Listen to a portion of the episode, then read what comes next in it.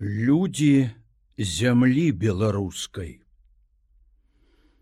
Ці думалі вы самі пра беларусаў, неяк пра сваіх бацькоў, братоў і сёстраў, сяброў або аднавяскоўцаў, а як увогуле пра людзей з асобным характарам, як пра народ з аднолькавай мовай, мінулым, сучасным і будучым. Ці задумваліся які ён беларус. Ну па-першае жывуць у беларусі рускія іх найбольш у гарадах. Літоўцы іхнія вёскі ёсць у астравецкім і радунскім раёнах. Еўрэі латышы сям там на паўночным захадзе віцебшчыны.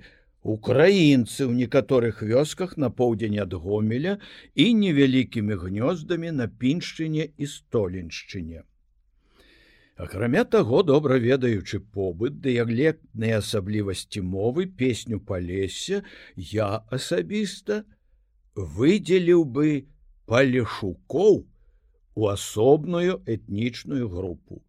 Занадта асобны, непадобны іхні фальклор, побыт, нават склад розуму. Ну, ладно, это справа вучоных, а не наша. Ёсць на Беларусі татары, з тых, што калісьці ўзялі ў палон пры батыі і пасля падчас набегаў прывітаўце і пасялілі асобнымі пасяленнямі на тэрыторыі краіны. Да нядаўняга часу яны адрозніваліся толькі рэлігіяй, цяпер і гэтага няма, Ды часам імёнамі і прозвішчамі, у якіх бывала, толькі з цяжкасцю можна было ўлавіць намёк на іхняе паходжанне. Скажам, Ян Мустафавіч Марушкевич або Іван Богданович Асанович ад імя Асан Гасан. Нават іхні этнічны тып стаў падобны на беларускі. Нават свяшчэнныя іхнія кнігі, алькітабы гучаць на старой беларускай мове, хаця і запісаны арабскімі літарамі склад насельніцтва нашай рэспублікі досыць аднастайны. Беларусаў тут 81 процент. Ды акрамя таго в апошні перапіс беларускую мову назвалі ў якасці роднай 328 тысяч чалавек іншых нацыянальнасцей. А 606 тысяч чалавек назвалі беларускую мову якасці другой мовой якой вольна валодаюць Што ж гэта за чалавек беларус? Что гэта за народ? Уласна кажучы адказаць на гэта пытанне дужа цяжка. Это задача амаль невырашальная як і паўсюль ёсць сярод беларусаў мяшчане і падвіжнікі лайдакі і працаўнікі малюскі і героі нават у штодзённым змаганні за новае за лепшае за вынашаныя ідэі што ўласна кажучы называется жыццём дурні і мудрацы. І кожны паступае адпаведна свайму характару і мудрыя разважаюць мудра і по-свойму а дурні як паўсюль так что не трэба абагульненню. Аднак много паездзіўшы па рэспубліцы, перазнаёміўшыся з тысячамі людзей, я насмелюся назваць некаторыя досыць тыповыя рысы, уласцівыя народнаму беларускаму характару. Это пераважна мой погляд, могуць быць і іншыя, хаця многія многія людзі і не толькі з беларусаў падзяляюць яго. Тыповага беларуса я досыць лёгка адрозню сярод іншых, хаця б ён яшчэ не сказаў ніводнага слова. Калі скажа, тады ўжо нават калі ён гаворыць на іншай мове і без акцэнта, яго лёгка пазнаць па асаблівай будове сказа, па тым, што колькі паветра набрана ў лёгкія столькі і аддадзена шчодра да апошня нават з лішнімі словамі, каб мелодыя сказа была завершана. Ён не скажа, чым гэта скончыцца, а скажа: « Дык чым можа вы мне скажаце скончыцца гэта, а мо скажаце вы? Это тое, што ў абліччы амаль неўлоўнае. Пераказаць яго цяжка. Яно форме носа, вушэй, у вачніцах і ў разрэзе саміх вачэй. манеры рухацца жастукаляваць, гаварыць ды дайце мала яшчэ ў чым. Паўночны беларус ростам пераважна высокім. Нярэдкасць бамбізы па два метры ростам. На поўдні часцей трапляюцца людзі сярэдняга росту, больш прыземістыя, паўтараю яшчэ раз, што гэта не агульны закон, а толькі найбольш распаўсюджаныя рысы. Затое больш каржакаватыя. У апошні час назіраецца тэндэнцыя да павышэння сярэдняга росту, як і паўсюль. Чарнявых сярод беларусаў няшмат. Найчасцей яны сустракаюцца ў палессі. На поўдзень ад прыпяці і чамусьці пераважна сярод мужчын, ды яшчэ ў некаторых мясцінах на гродзеншчыне гродзенцы гракі, што частка вучоных тлумачыць рэшткамі прымесі старажытнай ятвязкай крыві пераважаюць на беларусі валасы светла-русыя ці нават бялявыя. Цёмна-русых і шатэнаў менш. Адпаведна і колер вачэй часцей за ўсё блакітны шэры ці сіні. Рысы аблічча мяккія. Склад здаецца на першы позірк крыху далікатным але гэтая далікатнасць падманвае Праявы знешняй сілы, якая ўразіць на хвіліну да ізвяне, заменяе тут вынослівасць, жылаватасць, цягавітасць.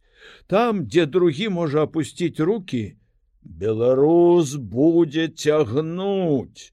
Іначай у старыя часы чалавек проста не выжыў бы сярод гэтых дрымучых лясоў і неабсяжных балот на гэтай скупаватай зямлі і гарт той застаўся ў яго характары на вякі. Нездарма яшчэ ў даўніну беларусы лічыліся незаменнымі на такіх цяжкіх работах, як земляныя грабарства і лесасплаўныя. Ды і пазней гэта праяўлялася, напрыклад, у нястерпна цяжкіх сітуацыях на вайне і ў партызаншчыне. Хаця, вядома, сустракаюцца такія зубры, што падковы гнуць, сталёвыя пруты звіваюць на руках у другога.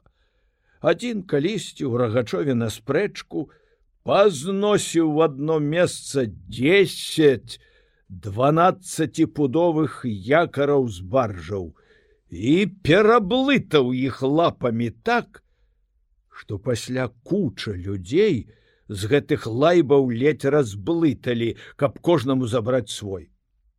Это жылаватасць, фізічнае і духоўнае здароўе народа прывялі да таго, што па колькасці жыхароў ва ўзросце больш за 100 год на 100 тысяч насельніцтва, Беларусь пераўзыходзіць усе іншыя рэспублікі ссср за выключэннем абхазіі і горных раёнаў каўказа. На паўночны ўсход ад нарачы у раёне дунілавіч шаркоўшчыны глыбокага даўгалетніх больш чым у абхазіі под ачамчырамі Тут праўда няма адзіночных асоб, якія дажываюць да 140-150 год, але процент стогадовых вышэй, чым там. Таму беларуса да рэвалюцыі заўсёды абражала думка аб ім як аб няшчасненькім. Склалася тая думка недзе ў тридцатых годах 19 стагоддзя. І вось пайшло самым шчырым спачуваннем з болем з крывёю сэрца вялікі герцан пісаў пра чалавека які адвык адмовы аб тым што многія пакаленні прыгонных спарадзілі гэтага парыю з вузкім чэрапам вялікі некрасаў пісаў аб маўклівым прыдушаным працай чалавеку. Гэты погляд адбіўся і ў творчасці некаторых беларускіх паэтаў. І ўсё гэта, мякка кажучы, не адпавядала ісціне. Той, хто жыў з гэтымі людзьмі, хто глыбока ведаў ці вывучаў іхняе жыццё, быў іншай думкі. Вось словы публіцыста грузінскага Ходячее представление о типе белорусского крестьянина рисует его неказистым, тщедушным и придавленным тяжелой жизнью в болотистом бедном краю. Мои личные впечатления были не таковы. Я увидел белоруса крепкого сложения, хотя и худощавым. Но главное — Я не заметил и следа угнетенности, забитости. Манера держать себя и говорить действительно отличалась от великорусской своей медлительностью, сдержанностью, но в ней виделась скорее степенная важность, я бы сказал задумчивость, не лишенное достоинства. Выразительные физиономии встречаются очень часто, а среди женщин и девушек много прямо красивых лиц. Да и добролюба уговорача аб тым самым казаў, што вось і італьянцаў нібы забілі, пазбавілі волі і так гаварылі да часоў гарыбальдзі. Тое і жыхары Беларусі. Так вот целый край взяли да забили. Посмотрим, что еще скажут сами белорусы. Чаму ж склалася такая несправядлівая думка? Таму что тут да заведамай ідэі і мэты за вушы прыцягваліся факты. Ішла барацьба за душы людзей, І таму царскія служкі хацелі давесці, што вось маўляў, да чаго давялі людзей польскія паны, А тыя з не меншым запалам даводзілі, што да жывёльнага стану давяла гэты народ царская палітыка і новая дзяржаўная сістэма. І кожны соваў свае казыры а даведзенаму да жывёльнага становішча народу было напляваць і на тых і на другіх. Ён жыў не збіраючыся не выміраць не губляць мову. А тут пусціліся все цяжкія рыдальцы над меншым братам. Як не дзіўна той жа думкі сталі прытрымлівацца людзі вялікага таленту і вялікай душы Занадта добры зручны агітацыйны прыклад быў перад вачыма.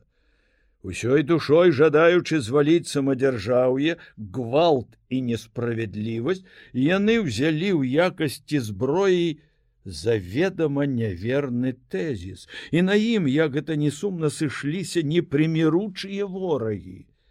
Святыя нарадавольцы і афіцыйныя ідэёлагі что жылі применительно к подласти чалавек які адчуваў боль народную так нібы з яго здзерлі скуру вялікі некрасу і пройди свет чего изволіце каткоў між тым гэтаму люду было як заўсёды у вышэйшай ступені ўласціва інстынктыўнае адчуванне справядлівасці і несправядлівасці. Галоўнай яго рысай з'яўлялася свабодалюбства. Пра гэта сведчыць іранічная і злая легенда, якая склалася якраз у тыя тридцатые гады 19 стагоддзя, калі гвалтоўны перагон у праваслаўе хабары зверства і жорсткасць сталі нястерпныя Вось яна Бог дзяліў між народамі землі адным тое другім тое. Прыйшлі беларусы. Вельмі ж пану Богу спадабаліся. Ён і пачаў нас надзяляць. Рэкі вам даю поўныя. Пушчы нямераныя азёры нялічаныя спёкі ў вас ніколі не будзе, але і холаду пагатоў. Зажэрціся на багатай зямлі не дам, каб былі ўвішныя кемлівыя, але і голаду у вас ніколі не будзе. Наадварот у голад шмат багацейшыя людзі будуць да вас прыходзіць. Не ўродзіць бульба, то ўродзіць жыта ці яшчэ нешта. А яшчэ звяры дзічына ў пушчах чародамі, рыбы ў рэках касякамі, пчолы ў борцях мільёнамі, а травы як чай не будзе голаду. Жанчыны у вас будуць прыгожыя, дзеці дужыя, сады багатыя, грыбоў ды ягад заваліся. Людзі вы будете таленавітыя, на музыку, песні, вершы здатныя, на дойлідства таксама, і будете вы жыць ды жыць, ну як, тут яго мікола ў бок штурхае паня Божа! Ды вы подумайте гэта ж вы ім рай аддаеце! Гэта ж вы Божа мой! Ды яны Ай пры іхняй языкатасці туды сапраўднага раю ўсіх перавабяць. Яны ж языком менцяць дай Бог нам з вами. Бог падумаў, крактану, але назад адбіраць не будзеш. Сапраўды ёсць ужо яна, зямля, лані бягуць лес варушыцца рыба чаўны з вады выціскае дрэвы да сонца. Добра кажам зямля будзе рай.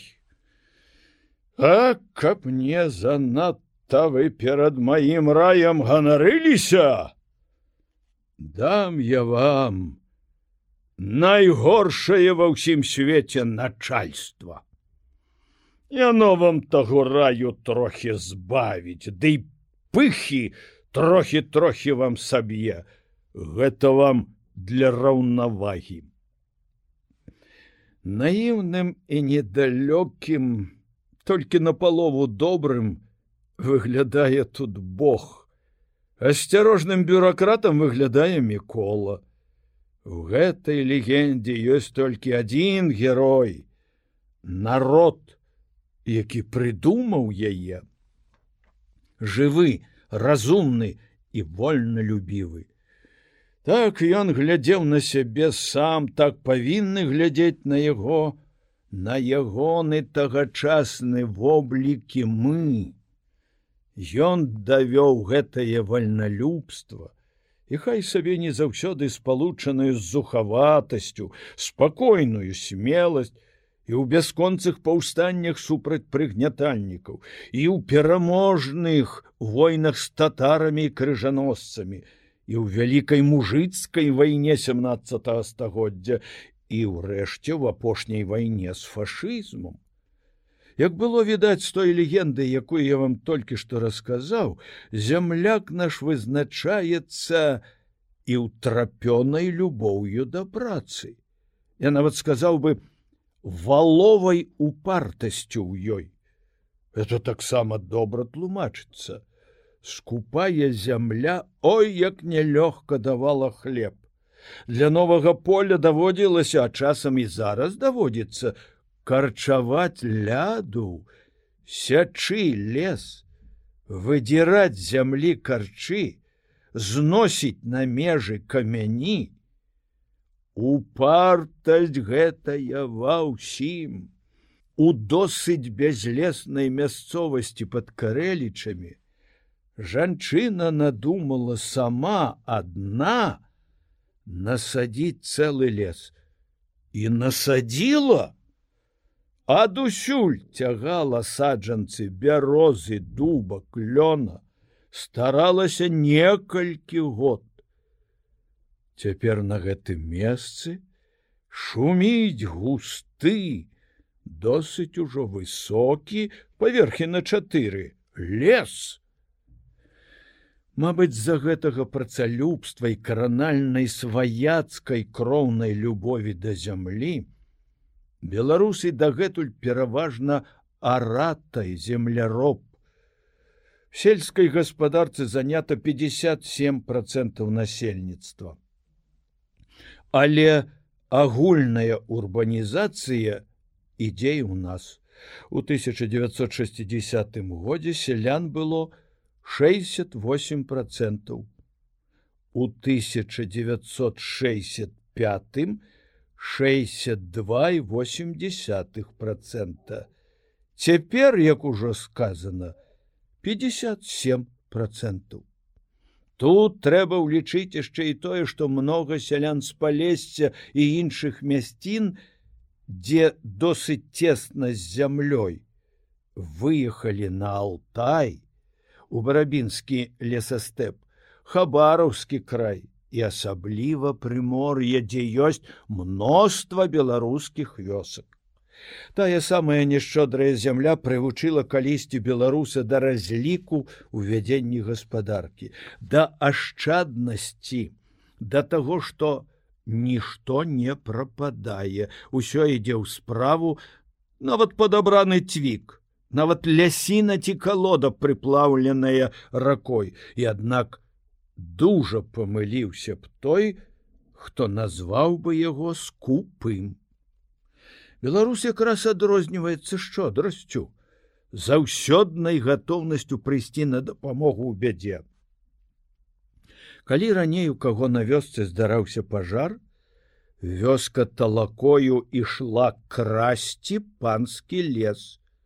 Калі, калі не было свайго, За пару дзён ставіла па гарэльцу новую хату, дзялілася з ім жытам, кожны, адсыпаў са сваіх засекаў колькі мог, каб чалавек дажыў да вясны і абсеяўся.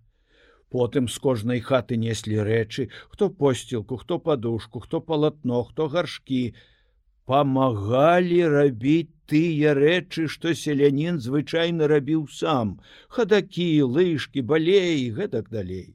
Это не таму, што былі такія ўжо добрыя. Без гэтага было не выжыць. Дужа добра сказаў пра гэта адзін з лепшых нашых паэтаў вялікі Макссім Богданович. Зноў змяшай муку з карой таўчонай, бо памерзла ніва у суседа. Раней, падчас голаду іншым разам людзі з больш багатых мясцін прыходзілі на Беларусь за дапамогай у нас вымачыць дажджамі жыта, уродзіцца бульба на пяску і авёс. Не будзе бульбы будуць грыбы, рыба, не будзе і таго паляванне выручыць.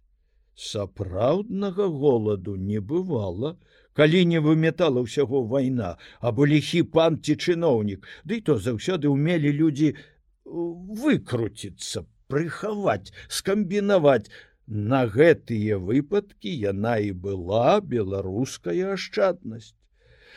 То вось я прынамсі не чуў, каб галадаючага адпусцілі з хаты з пустымі рукамі. Часам праходзіла нейкай вёскай по 50 на дзень. І не бывала так, каб кожнаму не далі хаця вядзерца бульбы, хотя лусты хлеба ці жмені гароху і не пакармілі сабе пакідалі толькі каб самім пратрымацца да вясны, дашчаўя маладой крапівы да першай рыбы, да грыба бедных майскага смаршка. Гэта ў час бяды, Але ў звычайныя добрыя часы ўсе, хто прыязджае да нас, адзначаюць як адну з галоўных рыс гасціннасць. Почасту досыць цяжкую для гостя. Госць у хаце, Бог у хаце. І ганьба таму дому, дзе не зробяць сяго нават немагчымага, каб гость быў задаволены. Беларус отличается гостеприимством склонностью к веселью и доверчивостью, хотя ее можно и не сразу снискать. Отсутствие злопамятности в Беларуси резко бросается в глаза всякому, кто с ним сталкивается. Вообще он обладает кроткой натурой.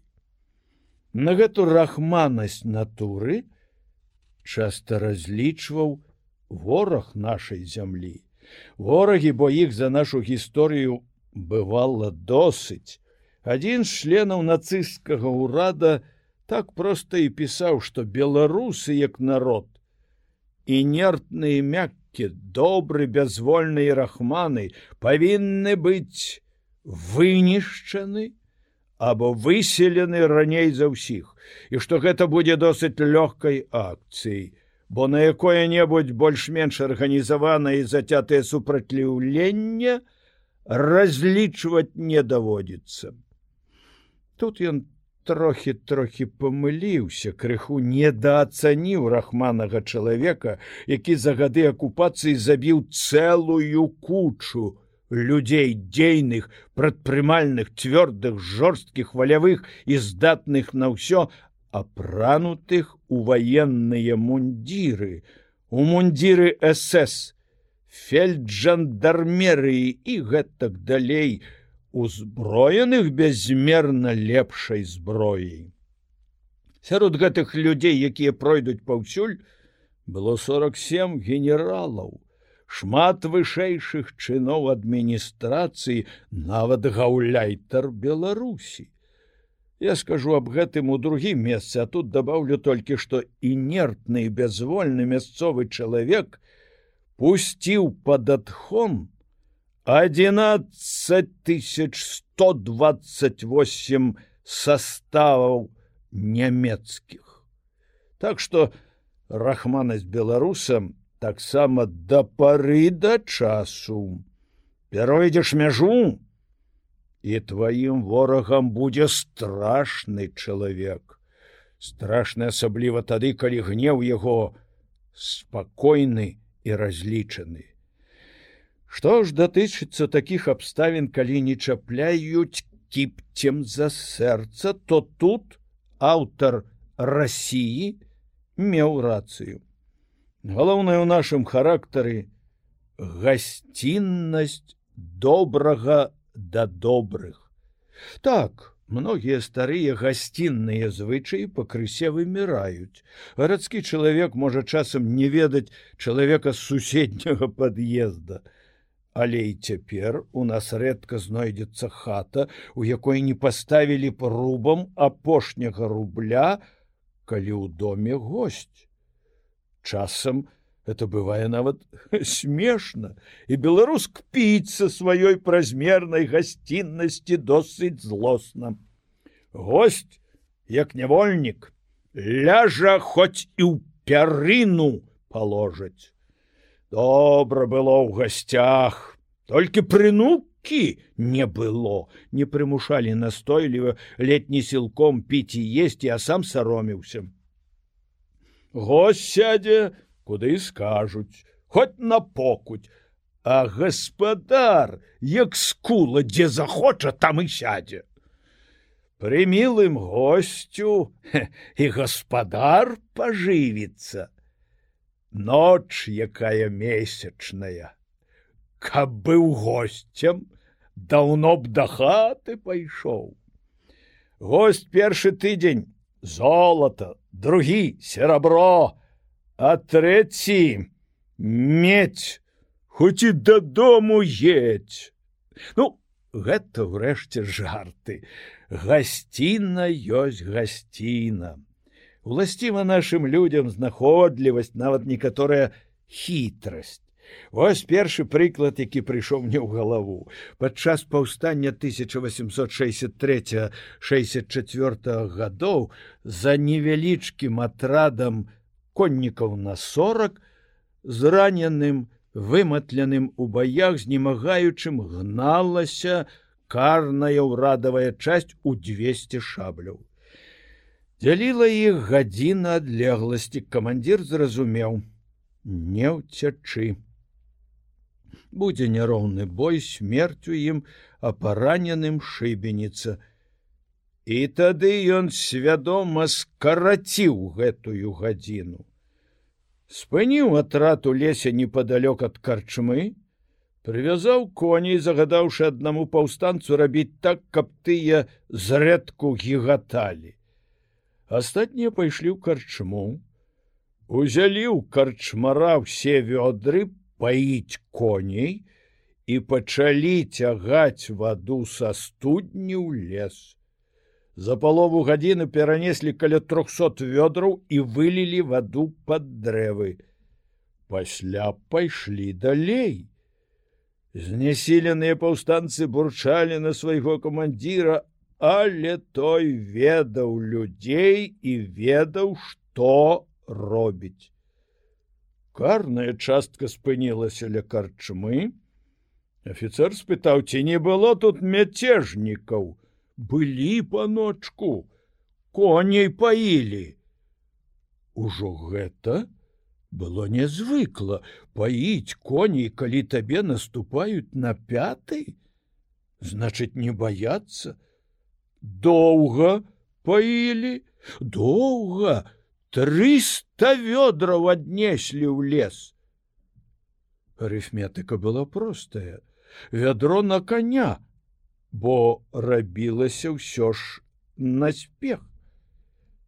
Значыць триста шабляў стрэльбаў або нават і просто кос офіцер адмовіўся ад пагоні іх аддзяляла тады ад паўстанцаў дзве вярсты, бо коні тых леці шлі.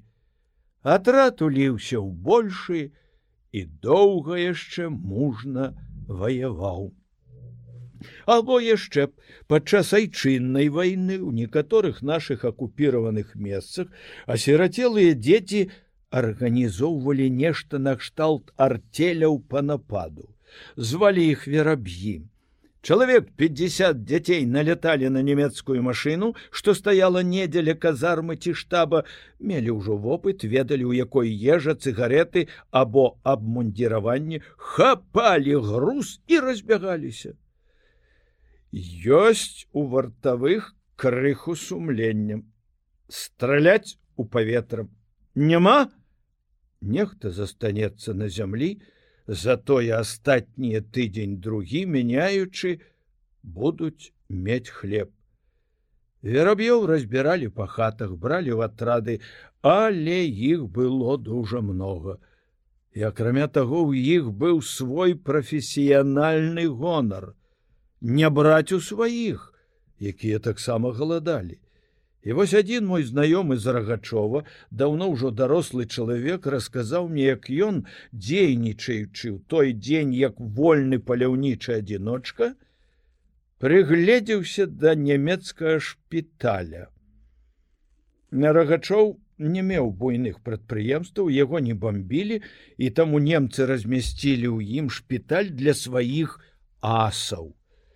Хлопчык заўважыў, што як толькі настае гадзіна обеду, все санітары, сёстры, дактары ідуць у сталоўку. Пунктуальнасць нарадзілася раней за немца. І вось подлетак падчас обеду просто ўзяў ды спакойна зайшоў шпіталь, адчыніў дзверы палата на аднаго, ляжыць распяты падвешаны на вяроўках з грузамі афіцэр.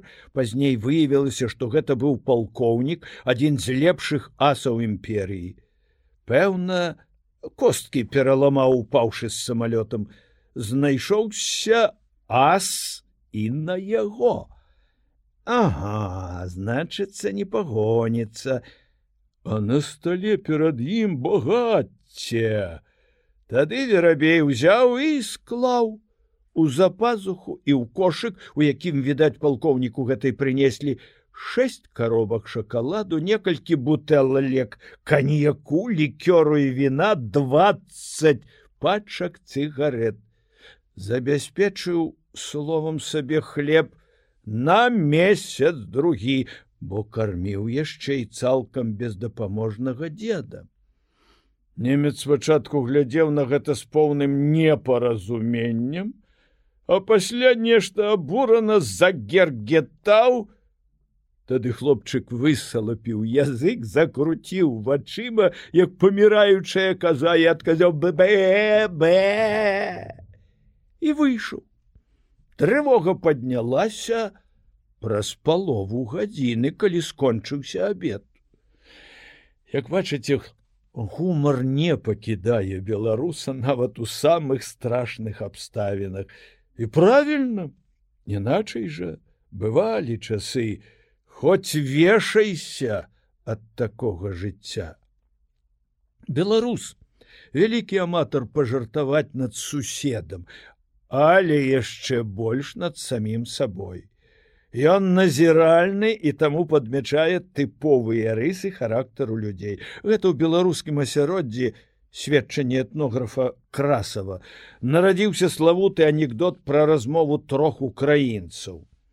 Адзін расказваў пра гарадскі мост зроблены без аднаго цвяжка. Другі страшэнна здзіўляўся: без аднаго! Без аднаго і волі і здзяць і волі і машыні і машыні і начальство дозволяе і начальство. Трэці які маўчаў паківаў галавою і сказаў задуменна о так і людына жыве жыве та й вмрэ напрыклад ішоў селянін лесам і ўбачыў што маланкі нешта б'юць з неба толькі ў адзін корч. Падышоў прыгледзеўся аж гэта бог ваюе з чортам і нічога яму не можа зрабіць. Пальне а той высунецца і ў неба дулю. Мужик вырашыў памагчы. Зарадзіў стрэльбу срэбнай на нячысціка кулей і забіў чорта на месцы тут з неба голас. Бэндзеш свенты. Бедалага ж за галаву схапіўся. Божа ж мой і там палякі гэтая рыса здавалася б маласімпатычнай, каб не тое, што над сваімі недахопамі увогуле над сабой беларус жартуе куты больш з'едліва і злосна. Вось начальнік скручвае свякроўцы, што прыйшла скардзіцца на нявестку з аднаго кулака аж дзве хвігі. Няхай пасмее па маіх хвігах ударыць. Але помні сабе, што калі па гэтых хвігах ударыць, то падавай у суд, А як раскруціш пальцы ды сама зложыш, то няхай сабе ізноў таўчэ табе пальцы, я бараніць не буду. І вось баба гэтымі важнымі хвігамі тэрарызуе хату і вёску. Вось чалавек прыйшоў у вільню, ідзе па мосце і бачыць, што два падлеткі дзеляць на ім чубы. Што вам за ліха? чаго вам не хапае б'ёмся правда але за цябе это гіцель кажа что у тебе шесть пальцаў на назе а я кажу что пять покиньте деточки бо у мяне по праўдзе пять не мы так табе дядька веры не дамо. Скінь боты покажи добра хлопчыкі супакойцеся пералічылі пять ага. А чаму ж ты дядька показаў нам толькі правую нагу а на левой дык пэўна шесть пальцаў? Хай ім разуй левую ну ясно не было ўжо каму тых пальцаў лічыць алей на пальцы не было чаго нацягнуць. Мораль хітры наш брат як чорт алей дурны як варона. Па агульным назіранні беларусам прыродна ўласцівая павага да іншых народаў і памяркоўнасць да таго, хто думае іначай. Бываюць, вядома, сумныя выключэнні, але гэта сапраўды толькі выключэнні. Сям'я. І тут не буду гаварыць сам, а звярнуся да той жа Росіі. Сторонка 193. Отношения мужа и жены в белорусской семье представляют мало примеров грубого обращения. В случае взаимных споров народный суд, это значит вязковый суд, суд громады, чаще становится на сторону жены, и строже относится к мужу. Даже народные песни говорят только о страданиях жены, выносимых ею от мужа пьяницы, но в них трудно найти мотивы, в которых воспевалось бы горе жены вследствие ее подчиненного положения. И это так. У гэтым сэнсе змянілася хіба тое, што жанчына цяпер, не залежыць толькі ад прыроднай дабрыні і нязлоснасці мужчыны беларуса, што яна роўная, што на баку яе савецкі закон, што ты не лайся дядя пры савецкай уладзе. Сямейныя адносіны вельмі прыкрашае той самы нязлосны, дужа ўласцівы нашаму чалавеку гумар. Вось сямейнае жыццё ў прыказках. Хлопец доўга ходзіць халасты. Тады юзіка жэніцца, як лысы вол ацеліцца. Але вось юзік закахаўся, і хаця янка купала трапна сказаў на беларускую дзяўчыну, калі тут праўду ёй аддаць, ніхто яшчэ каменем не кінуў, і не наважыцца кідаць. Але і тут сур'ёзнай справы хаваюць за улюбёнай іроніяй. Олюбіўся, як чорт у сухую грушу. У каханкі смаляныя лаўкі. Это значыць, прыйшоў і сеў, як прыліпы сядзіць летні да раніцы. Іранізуюць і з маці. Матку дачка хваліла, пакуль з рук не зваліла. І ж жаніха таксама. Жаніся больш старцоў жабракоў будзе. Або ды што з тваёй ганкай? Хіба дзятлоў разводзіць? Намёк што нібыта ў невесты доўгі нос. Ну і ясна ж з невесты дзеля дроў замуж пайшла дзеўкаю поўная вуліца, а жонкой полная печ. Маладое пакаленне таксама не застаецца ў даўгу. Горкая рэчка ды ядуць, кепска замужам, ды ідуць, скажуць ім. Ды ён жа ў цябе злапаць, а ім адкажуць: Няхай сабе гаспадар злапаць, абы за ім не плакаць. Пажаніліся. І тут рэдка гавораць аб гэтым пры чужых усур'ёз. А не лыжкі, а не міскі, а павесіў тры калыскі. Што, браце, не жаніўся, цяры анучы ажаніўся цяры анучы бо ўсё адно брудныя. Часам нават у літаратуру ўдаюцца богдановича цытуюць Як пачаў ён параю з мушкай жыць, давялося беднаму патужыць. Не ўмее мушачка працаваць, толькі ўмее з хлопцамі жартаваць, а не выткаць кросенькі, а не шыць, а не стравы хораша наварыць. Паштурхаў камарычак галаву, Як я з гэтым кай жонкаю пражыву. Дзе я вочы брацікі меў свае, як сабе за жоначку браў яе. Могуць выдумаць і зусім недарэчнае. Вось чуты мною расказ аднаго веселуна пра дужа хорошую, дружную, працавітую сям'ю. Янка з Еўгіняю дужа добра жывуць. Дзеўкаю была, то выйдзе на вуліцу, за кулакамі свету не відаць. А цяпер зойдзеш у хату, то не відаць і ў хаце. Ну, а я вам скажу мужчынкі, і ў дзецях ім шчасце. Аднойчы вось так б'юцца, матка малодшага на дапамогу кліча, а старэйшы яго трымае ўгаворвае кінь хай б'юцца. Мы з табой браты родныя яны чэрці зводныя. Старэйшы дык увогуле малайчына у яго адна песня.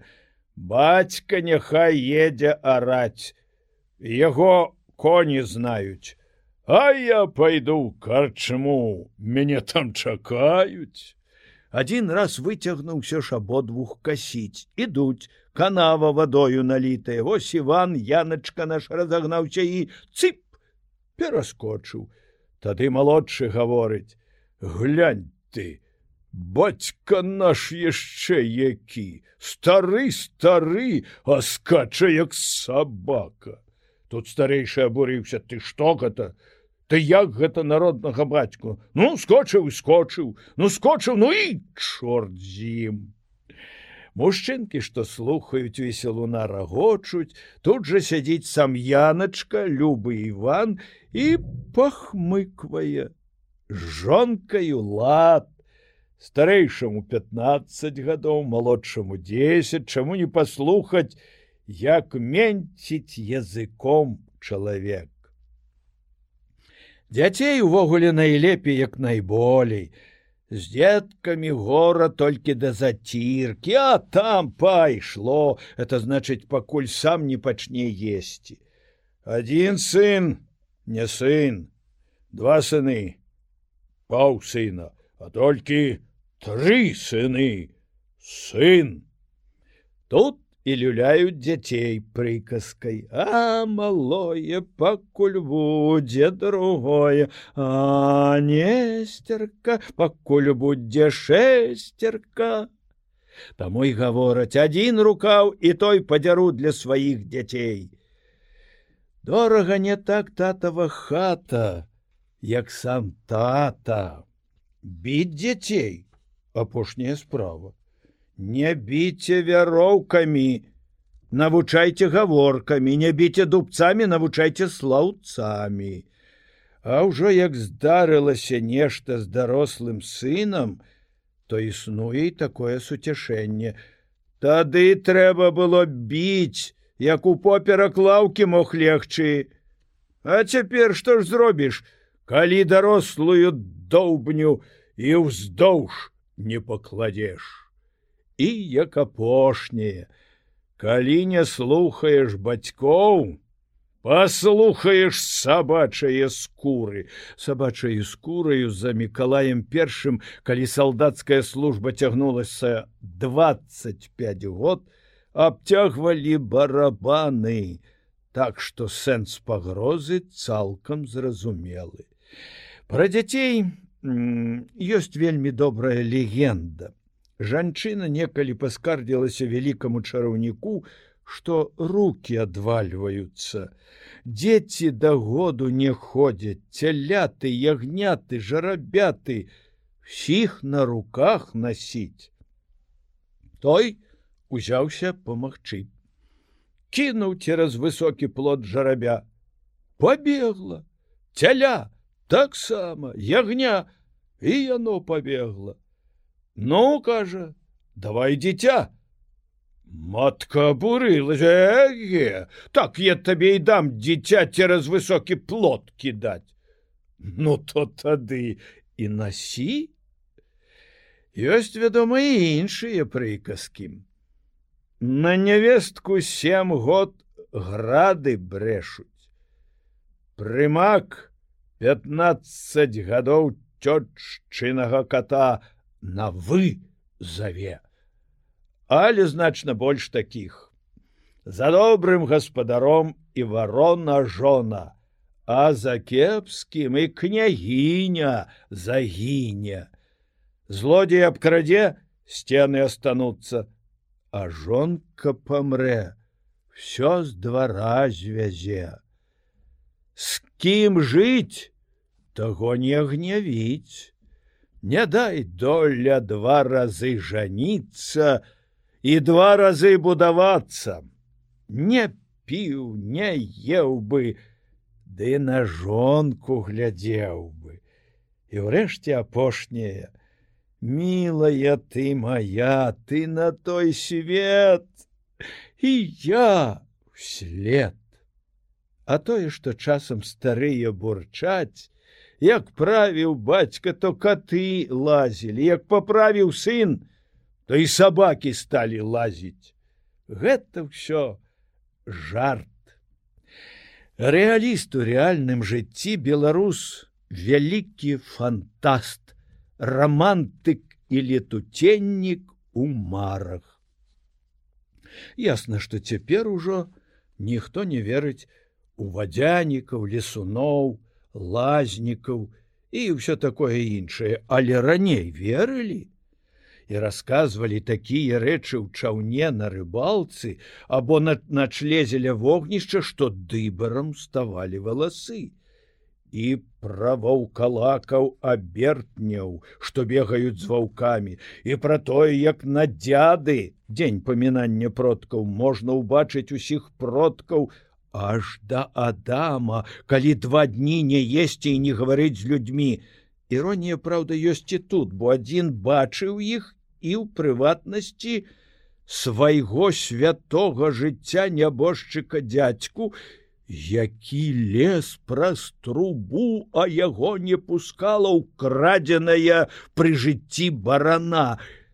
І папу не выспавядаўся, то племяннік зарагатаў і ўсё яны зніклі менавіта таму запісаныя фальклорыстамі беларускія казкі не ўлезлі б і ў сотню тамоў.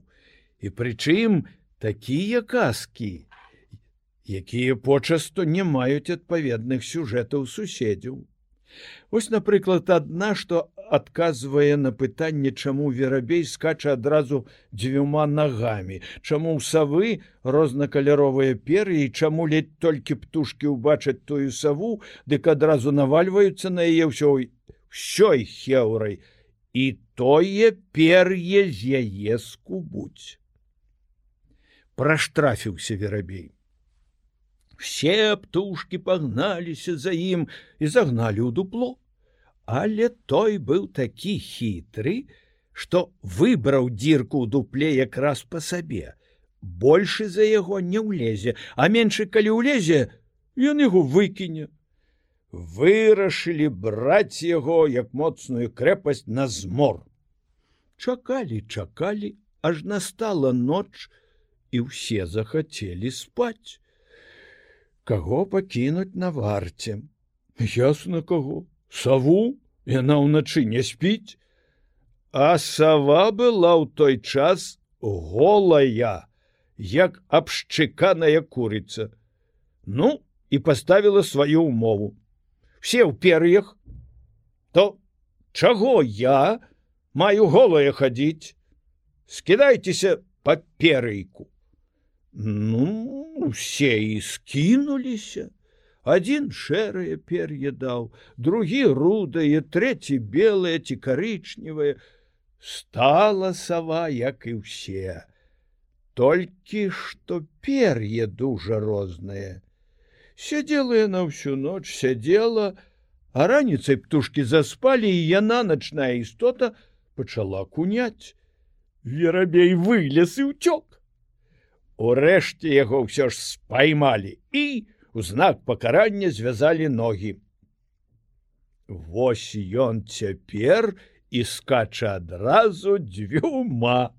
А птушкі, як толькі ўбачаць саву, дык адразу кожнае сваё пяро дзярэ з яе з гвалтам, аддай мае перыйкі, бо няма чаго было браць, калі ў сцерагчы не магла эта казка жартоўная ёсць тысячи фантастычных як змей абвіўся вакол горада як хадзіў па свеце каток залаты лабок як хітры селяніна паіў півам чорта і адабраў яго душы добрых людзей як зачараваны змеіны кароль пакахаў дзяўчыну.